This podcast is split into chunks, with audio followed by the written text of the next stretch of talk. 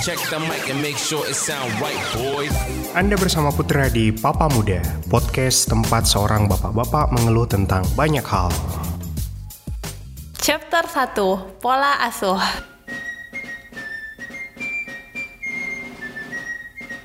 London yang disesaki dingin, dan bus merah yang tidak kunjung menemui pengunjung terakhir. Ada yang terlupa di tengah riuh kota. Berangkatlah seorang anak 9 tahun bernama Isi untuk melengkapi buku petualangannya. Keberangkatannya ditemani persetujuan ibunya, Lenore Skenasi, seorang ibu yang fantastis yang mengajarkan pada anaknya bahwa bumi di luar sana memiliki banyak tempat untuk dikagumi. Ia rencanakanlah isi untuk berangkat ke Bloomingdale's menggunakan kereta bawah tanah seorang diri. Isi bermodalkan map kereta bawah tanah, kartu kereta, uang 20 dolar dan tak lupanya pula beberapa receh yang mungkin akan berguna untuk dipakainya menelpon jika saja petualangannya tidak sesuai rencana. Selepas 45 menit petualangan menariknya tersebut, isi tiba di rumah.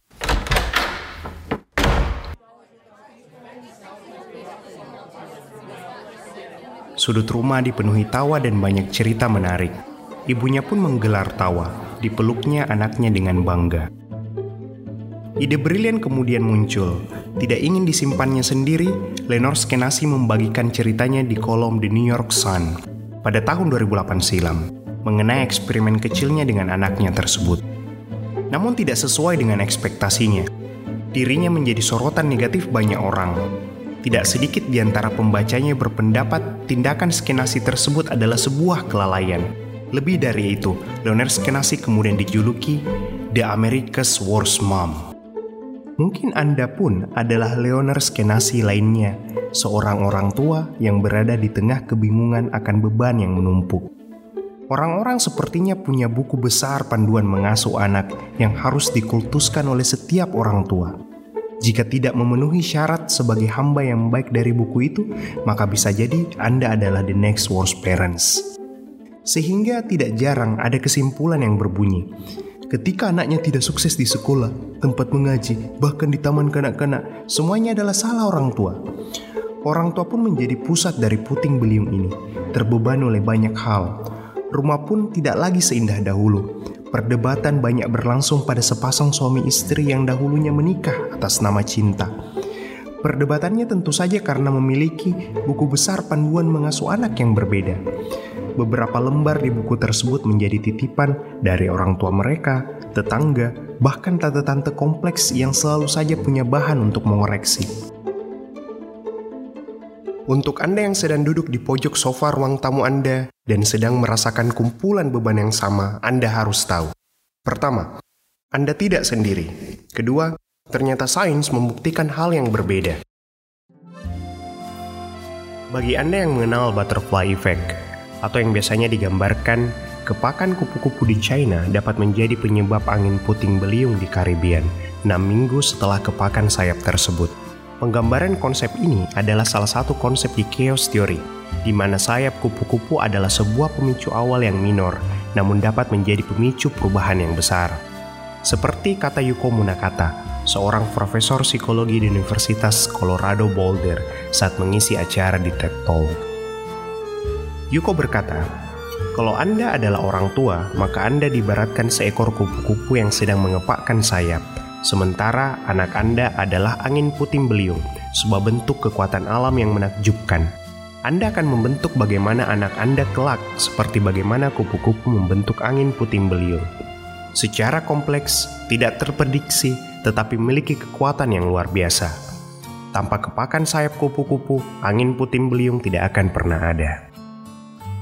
Namun tentu saja kepakan sayap kupu-kupu hanya menjadi salah satu faktor saja dari berbagai faktor lainnya yang juga memiliki pengaruh yang besar. Tidak ubahnya keberhasilan anak, ada efek pola asuh di sana, gen yang kuat, kawan yang membantu perkembangan anak, dan budaya tempat di mana dia tumbuh besar. Ini akan menjadi sulit untuk menentukan faktor yang mana sebenarnya berpengaruh pada perkembangan anak.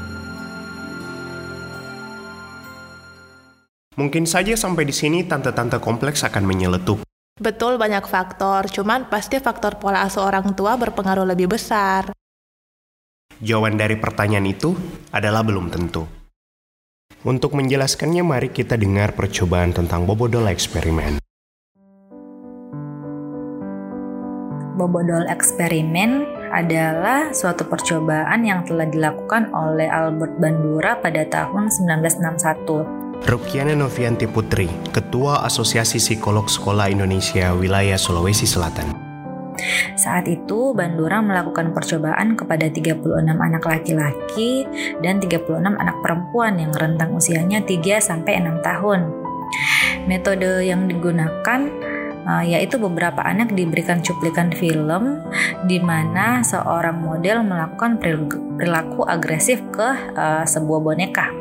Dalam hal ini uh, bobodol.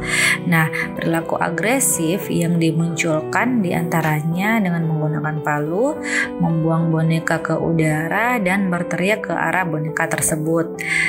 Selanjutnya, Anak-anak tadi dimasukkan ke sebuah ruangan yang berisikan berbagai mainan termasuk boneka uh, bobodol.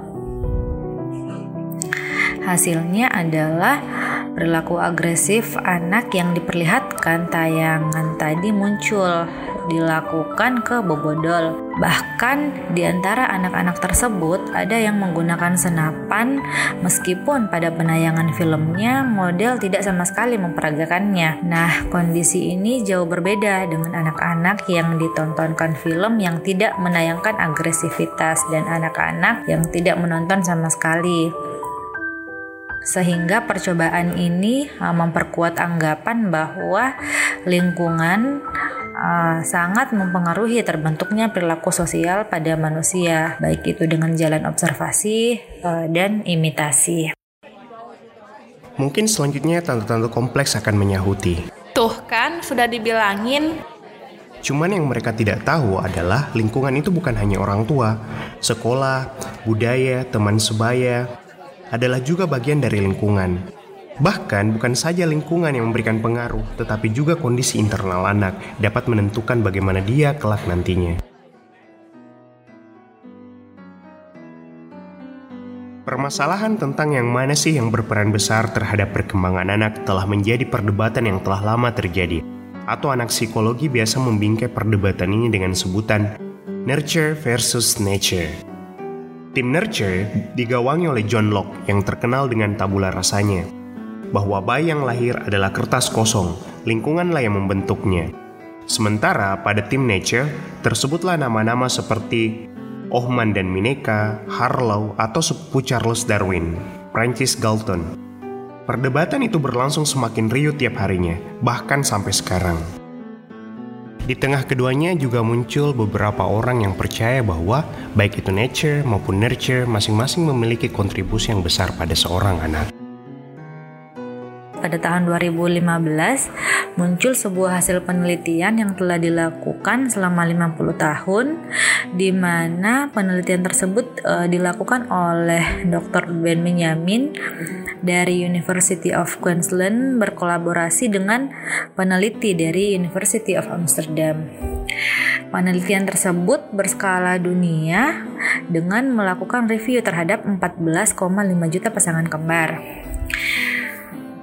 Hasil dari penelitian tersebut mengatakan bahwa 49% faktor gen dan 51% faktor lingkungan yang membentuk karakter manusia. Angka yang dimunculkan hampir serupa. Ini membuktikan bahwa baik dari faktor lingkungan ataupun dari faktor gen memiliki kontribusi yang hampir sama dalam membentuk karakter manusia. Dari penelitian tersebut, kita kemudian dapat memahami bahwa keterkaitan antara gen dan lingkungan sangat penting untuk membantu perkembangan seorang anak, sehingga memberikan beban sepenuhnya pada orang tua tidak lagi menjadi relevan. Sehingga bagi tante-tante kompleks atau siapa pun yang suka nyeletup, yang perlu dipahami bahwa anak adalah makhluk unik yang memiliki caranya sendiri untuk berkembang, memberikan tekanan yang besar pada orang tua sebagai penentu akhir akan perkembangan anak malah dapat membuyarkan banyak hal, orang tua akan menjadi letih dan berefek pada cara mereka mengasuh anak, bahkan dapat memperburuk rumah tangga yang mereka miliki. Dan untuk Anda, bagi orang tua, Sebaiknya melepaskan beban bahwa masa depan anak Anda berada di genggaman Anda. Menyikapi bahwa tugas kita adalah bukan memaksa mereka untuk menjadi apa pun yang kita mau, tetapi memberikan mereka pilihan untuk ingin menjadi apa mereka kelak. Daripada tersiksa untuk menyetel tiap pencapaian yang mereka harus gapai, menikmati kesyukuran tiap harinya dengan anak Anda adalah hal yang jauh lebih baik. Bukan begitu?